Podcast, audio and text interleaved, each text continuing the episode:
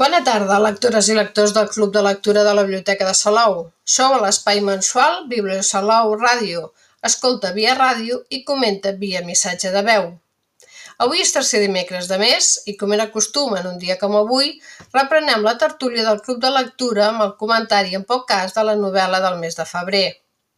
El podcast d'avui, doncs, us parlarà del que hem trobat a la darrera lectura del club, la novel·la Sidoní té més d'un amant, de l'Àngel Casas Show, que deia el seu programa de televisió, editada al febrer de l'any passat per l'editorial Univers, un segell del grup Enciclopèdia.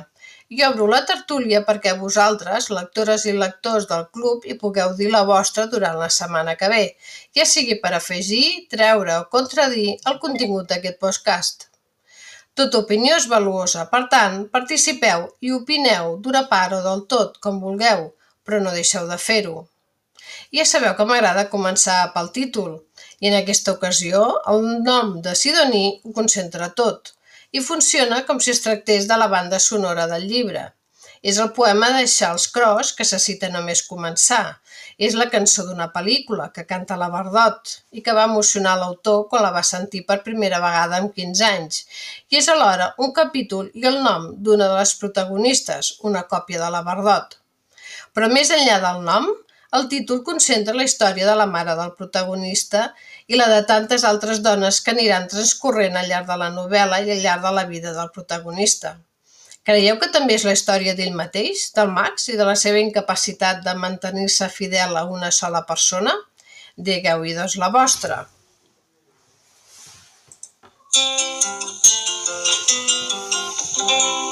Si Denis a plus d'un amant, c'est une chose bien connue qu'elle avoue, elle fièrement. Si Denis a plus d'un amant, de fet, Sidoní posa la música i l'erotisme a la novel·la, ja que és plena de referències musicals i cinèfiles i fa un repàs en primera persona de la història del barri de Sants, que és també el de l'Àngels Cases.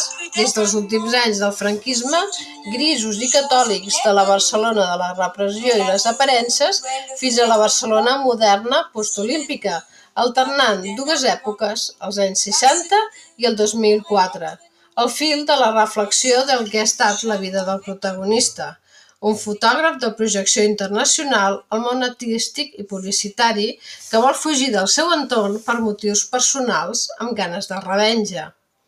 Els salts temporals continus de la novel·la crec que no, no, no, no, no fan perdre el fil de la biografia del narrador, sinó que en paral·lel ajuden a recompondre visualment el context del barri de Sants i un període que es concentra entre els anys 1963 fins al 2015. Tot i que el final sorprèn, l'inici de la novel·la és tota una demostració d'intencions i ens avança el que trobarem a la novel·la, tal com es llegeix el propi autor. Em vaig assabentar que la meva mare treballava de puta, tot meu món petit, encalmat i confortable que a casa havien construït al meu voltant s'esfondrar. I gairebé sense adonar-me'n, va néixer dintre meu un sentiment d'animadversió i de desconfiança vers el meu entorn més proper, la gent amb qui em creuava quotidianament pel barri i els companys de l'escola, i molt especialment de recel i malfiança cap al gènere femení que, amb el pas dels anys i les vicissituds posteriors, van anar augmentant i es va transformar en odi i en una imperiosa necessitat de revenja, de tal manera que un dia hauria de petar per algun lloc i fer molt de mal. Per això, en cas de succeir, seria molt més endavant, quan jo ja fos gran i tingués la consciència d'haver trencat tots els lligams, d'oblidar totes les arrels i d'estar, com qui diu, de tornada. I això que ens explica el protagonista només començar la novel·la ho anirem comprovant al llarg, al llarg del relat fins a arribar al final, que ja en parlarem.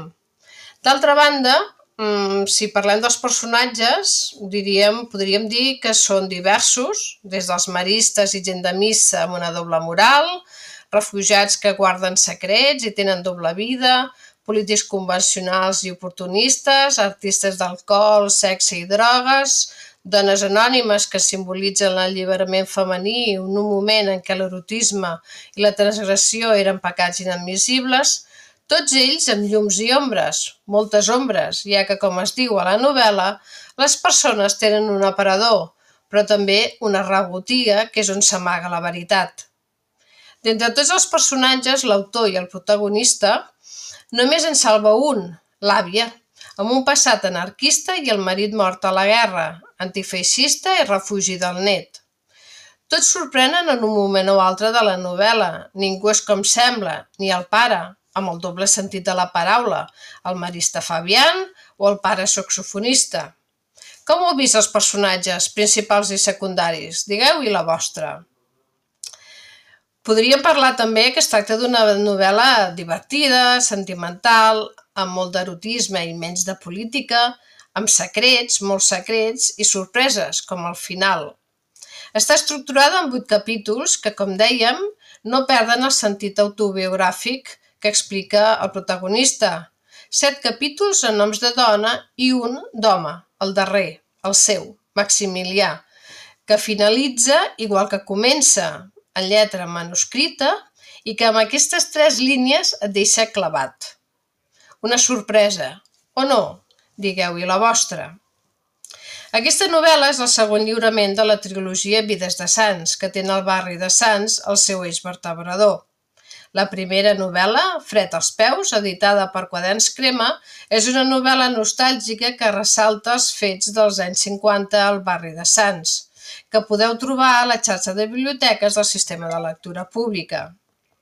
Si parlem de l'autor, per tots coneguts, Àngel Casas va néixer a Barcelona l'any 1946, és periodista i està crític musical i presentador, conegut sobretot pel seu programa d'entrevistes Àngel Casas Show, on, va poder, on es va poder veure per primera vegada un striptease a la televisió però considera que aquesta faceta d'home de televisió, com tothom el recorda, ha estat accidental, que se sent escriptor i que escriu des de petit. Ha publicat assaig i contes, entre altres coses. Entre la gran quantitat de guardons que ha rebut durant la seva carrera, destaca la Creu de Sant Jordi l'any 2007. Es pot consultar encara el seu blog, Àngel Casas Blog, però que ha tancat pels últims problemes de salut que ha patit, com el trasplantament de ronyó que li ha donat la seva dona aquest gener, després d'haver passat per un càncer, un atac de cor, una angina de pit, ha hagut de portar una pròtesi i fer diàlisi. Però com ell mateix diu, és millor estar viu amb una salut de ferro que mor amb una salut extraordinària. I fins aquí el podcast d'aquest club de lectura virtual de la mà de l'Àngel Casas i la seva novel·la Sidoní té més d'un amant, editada en català i en castellà. I ara és el vostre torn de paraula. Teniu tota la setmana per dir-hi la vostra. Us hi espero.